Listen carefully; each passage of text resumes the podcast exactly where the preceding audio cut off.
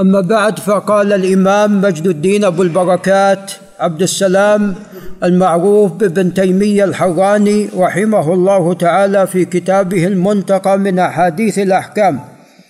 قال باب الإشارة في الصلاة لرد السلام أو حاجة تعرض وأن ذلك أمر مشروع ولا بأس به. وفي الحقيقة أن في هذه الترجمة مسألتين. المسألة الأولى رد السلام هذه مسألة. والمسألة الأخرى الإشارة في حاجة تعرض للمصلي فيحتاج إلى أن يشير. أما ما يتعلق برد السلام فهذا أمر مشروع وكان الرسول صلى الله عليه وسلم يرد السلام وهو في الصلاة. وأما الإشارة لحاجة تعرض فإذا أمكن تجنب هذا فبها ونعمت. إذا أمكن تجنب ذلك فبها ونعمت. وإذا احتاج الإنسان فلا بأس. وأن هذا أمر مرخص فيه ولا يؤدي إلى بطلان الصلاة. وهو عندما يشير الإنسان إشارة مقصودة يشير إشارة مقصودة كما سوف يأتي. فهذا إذا أمكن تجنب في الصلاة فبها حتى الإنسان يقبل على صلاته. وإذا احتاج في أمر لا بد منه نعم. فهذا نعم ليس فيه شيء. نعم. يعني عندما الإنسان يكون مستعجل وأنت تصلي فيقول أين مفتاح البيت أين مفتاح السيارة؟ فلا بأس أن تخرج أو تقول ليس موجودا عندي أو تشير تقول يعني تشيرن في المكان الفلاني مثلا وما شابه ذلك. قال عن ابن عمر رضي الله تعالى عنهما قال قلت لبلال بلال بن رباح رضي الله عنه كيف كان رسول الله صلى الله عليه وسلم يرد عليهم حين كانوا يسلمون عليه وهو في الصلاة؟ إذا الصحابة يسلمون على الرسول عليه الصلاة والسلام وهو في صلاته. قال يشير بيده. وسوف يأتينا أنه جعل باطن اليد إلى الأسفل وظاهرها إلى الأعلى. أشار بيده. نعم. عليه الصلاة والسلام. قال رواه الخمسة يعني أحمد وأصحاب السنن. إلا أن في رواية النسائي وابن ماجه صهيبا مكان بلال. وفي الحقيقة أن هذا الحديث يعني وقع فيه اختلاف. هل كان ذلك الذي وصف هذا الشيء هو بلال ولا صهيب؟ جاءت رواية بهذا وهذا. ولذا قال الترمذي كلا الخبرين عندي صحيح. الترمذي يقول كلا الخبرين عندي صحيح. نعم. قال وعن ابن عمر رضي الله عنهما عن صهيب رضي الله عنه. وصهيب هو النمري من النمر بن قاسط من ربيعة. وهو الذي يسمى بصهيب الرومي وذلك لأنه وقع عليه رق وهو صغير أخذوه روم. وإلا هو من النمر بن قاسط من ربيعة. نعم. أنه قال مررت برسول الله صلى الله عليه وسلم وهو يصلي فسلمت فرد إلي إشارة وقال لا أعلم إلا أنه قال أشار إشارة بأصبعه إشارة بأصبعه وهذه اللفظة لا تصح والله أعلم إشارة بأصبعه لا تصح وذلك لأمرين أولا لضعف إسناد هذه الروايه لأن هذه الروايه من طريق أيمن بن نابل صاحب العباء وهو ليس بالمشهور عن نافع عن ابن عمر. نعم. والأمر الثاني أنه جاء في الروايات الأخرى عن ابن عمر أنه أشار بيده كما سوف يأتي إلى هذه الروايات. قال رواه الخمسة إلا ابن ماجه وقال الترمذي كلا الحديثين عندي صحيح. طبعا لا يلزم أن الترمذي يصحح أيضا الإشارة بالإصبع. لكن يعني صحيح أن عن بلال وعن وعن صهيب. يقول لأن قصة بلال غير قصة صهيب. يعني يقول أن قصة بلال غير قصة صهيب. وهي عن يعني عن واحد منهما. والله أعلم.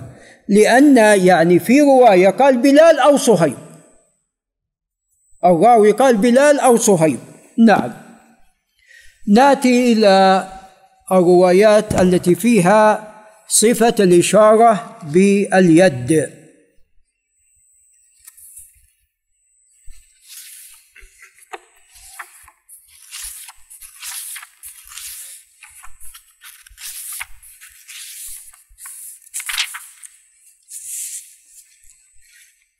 قال قال أبو حاتم بن حبان ذكر الإباحة للمرء أن يرد السلام إذا سلم عليه وهو يصلي بالإشارة دون النطق باللسان. ولعل الشيخ الإسلام ينتبه هذه الترجمة يعني فيها نظر. يقول ذكر الإباحة للمرء. هي المسألة أكثر من الإباحة. يعني إما أن تكون واجبة الأصل رد السلام ماذا؟ واجب هذا هو الأصل. وإما أن تكون مستحبة. وأما مسألة أن المسألة مباحة لا هذا فيه نظر. يقول وهو يصلي بالإشارة دون النطق باللسان. أما النطق باللسان فهذا ممنوع. ولو تكلم الإنسان في غير ما يتعلق بالصلاة وغير ما رخص فيه يؤدي هذا إلى ماذا؟ إلى بطلان الصلاة كما تقدم تقرير ذلك. ولعل الدكتور عبد الله ينتبه. قال أخبرنا أبو خليفة وهو الفضل بن الحباب الجمحي وهو ثقة. قال هذا الشيخ الواحد الظاهر اللي ترجم له في كتاب الثقات. هو الأصل شيوخ ما يترجم لهم. يعني في كتاب الثقات لعل في موضع آخر. لكن ترجم لأنك قد عمر أبو خليفة الفضل بن الحباب الجمحي قال حدثنا إبراهيم بن بشار الرمادي وهو صدوق له بعض الأوهام. قال حدثنا سفيان بن عيينة الإمام. قال حدثنا زيد بن أسلم وهو ثقة عالم. كان علي بن الحسين الملقب بزين العابدين يدع بعض الحلقات في المسجد النبوي ويأتي إلى حلقة زيد بن أسلم. قالوا أنت تترك بعض حلقات قومك وتأتي لزيد بن أسلم. زيد بن أسلم مولى مولى بني عدي. مولى آل الخطاب. فقال المرء يجلس حيث يستفيد. أو نحو ذلك. وكان عالما زيد بن أسلم توفي عام 36 و100 قال عن ابن عمر رضي الله عنهما قال دخل النبي صلى الله عليه وسلم مسجد بني عمرو بن عوف يعني مسجد قباء. فدخل رجال من الأنصار يسلمون عليه. قال ابن عمر فسألت صهيبا وكان معه كيف كان النبي أي مع الرسول صلى الله عليه وسلم كيف كان النبي صلى الله عليه وسلم يفعل إذا كان يسلم عليه وهو يصلي؟ فقال كان يشير بيده. وهذا الحديث صحيح وقد رواه الشافعي عن سفيان بن عيينة ورواه أيضا الحميدي عن سفيان بن بن عيينة وابن أبي شيبة وعبد الرزاق وغيرهم قد رووه عن سفيان بن عيينة. نعم ورواه الطبراني من طريق روح بن القاسم عن زيد بن أسلم. فروح بن ابن القاسم قد تابع سفيان بن عيينة. وجاء عند الطحاوي في شرح معاني الآثار من طريق ابن واهب عن هشام بن سعد عن نافع عن ابن عمر مثله. فهذه طريق أخرى. غير أنه قال فقلت لبلال أو صهيب. فالحديث يعني إما عن بلال وإما عن صهيب. نعم نأتي لروايه هشام بن سعد لأن فيها صفة التسليم. عن هشام بن سعد عن نافع عن ابن عمر قال فقلت لبلال. نعم. نعم. قلت لبلال أو قال فجاءوا. الأنصار جاءت يسلمون عليه وهو يصلي فأشار إليهم بيده باسطا كفه وهو يصلي. نعم. فإذا ما يتعلق برواية الإشارة بالإصبع هذه لا تصح. فهذه الروايات والله أعلم أقوى مما جاء في رواية أنه أشار بإصبعه. نعم. طبعا عن نابل ليس أيمن عفوا عن نابل صاحب العباء عن ابن عمر. وليس عن نافع عن نابل صاحب العباء عن ابن عمر. نابل هذا ليس بالمشهور. نابل هذا ليس بالمشهور. نعم فالروايات الأخرى أصح من ذلك. فإذا كان يشير عليه الصلاة والسلام بيده وليس بأصبعه صلى الله عليه وسلم.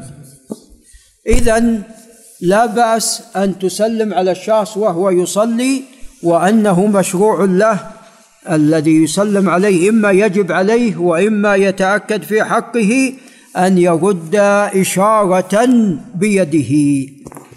قال باب كراهية أو كراهة الالتفات في الصلاة. باب كراهة الالتفات في الصلاة. إلا من حاجة. فإذا علم أن الالتفات في الصلاة أولا لا يؤدي إلى بطلان الصلاة.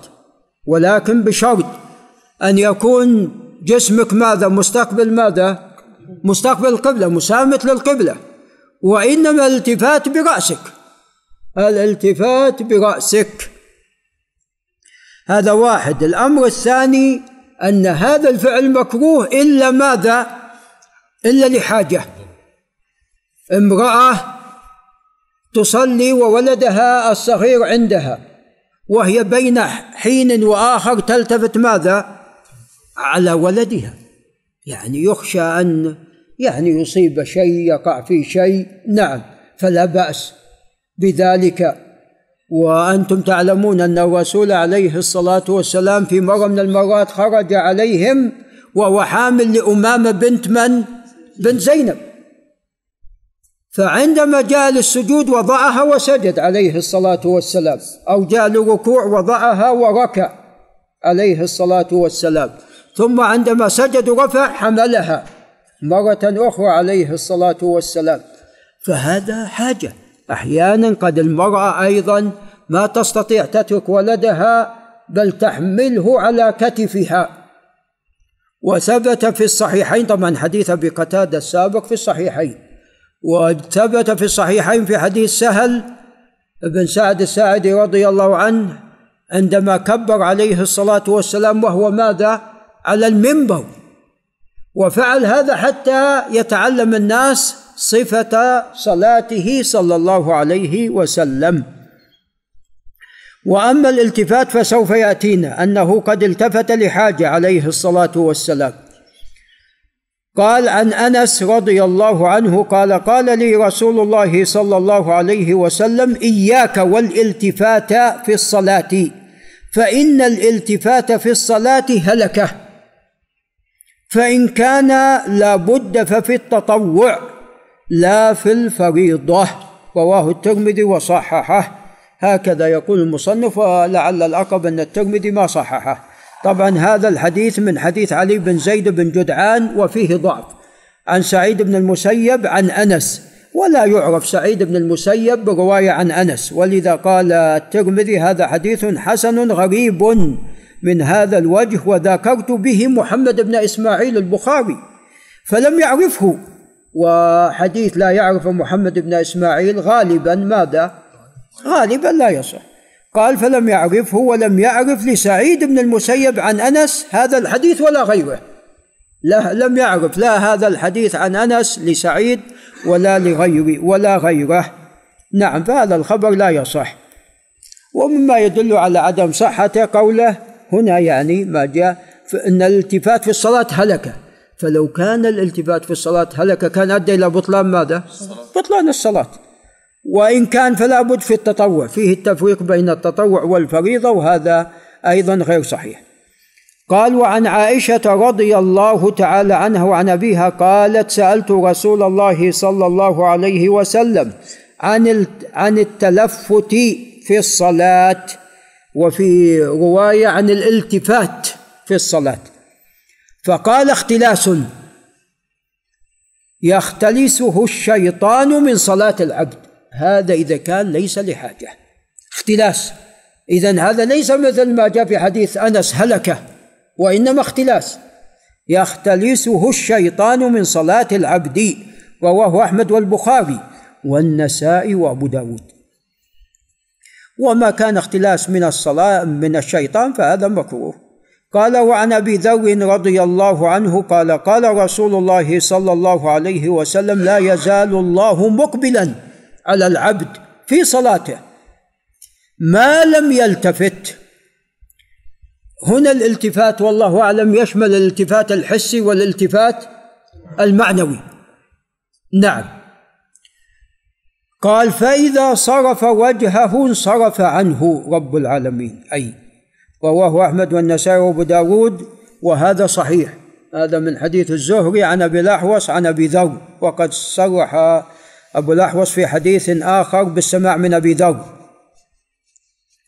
فهذا والله أعلم يشمل الالتفات الحسي والمعنوي. نعم. والالتفات المعنوي يعني أشد. لأن الإنسان بحمد الله قد لا يلتفت حسيا ولكن يلتفت ماذا؟ معنويا. لعل حازم أبو عمر ينتبه فلعل فالالتفات المعنوي كثير فلا حول ولا قوة إلا بالله.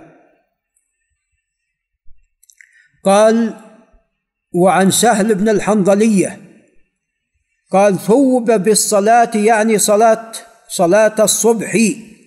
فجعل رسول الله صلى الله عليه وسلم يصلي وهو يلتفت إلى الشعب لأنه قد أرسل أحد الصحابة يحرسهم.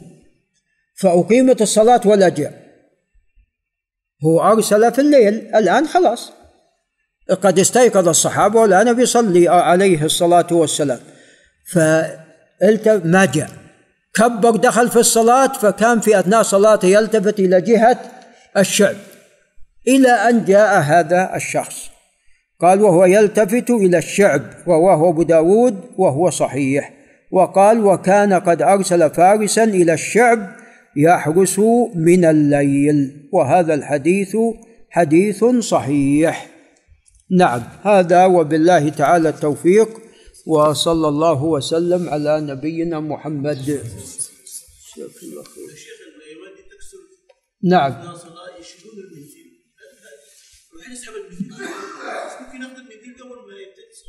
والله يا أبا عبد العزيز قد الإنسان يعرض له في أثناء الصلاة ما يحتاج فيه إلى الأخذ أخذ المنديل قد يعرض له أثناء الصلاة. هو ينبغي للإنسان أن يكون يعني مت يعني مستعدا لكن تعرف يعني تطرأ طوارئ ويظن الإنسان أحيانا يغفل يظن مع منديل وقد لا يكون فيحتاج إلى ذلك فلا بأس بهذا. وقد عرض على الرسول عليه الصلاة والسلام في صلاة الكسوف عرض عليه الجنة وماذا؟ والنار في قبلة عليه الصلاة والسلام. فعندما عرضت عليه الجنة أراد أن يأخذ قطفا من العنب. وعندما عرضت عليه النار رجع. فالصحابة الذين خلف ماذا حصل لهم؟ رجعوا أيضا. رجعوا أيضا مع رجوعه صلى الله عليه وسلم. نعم.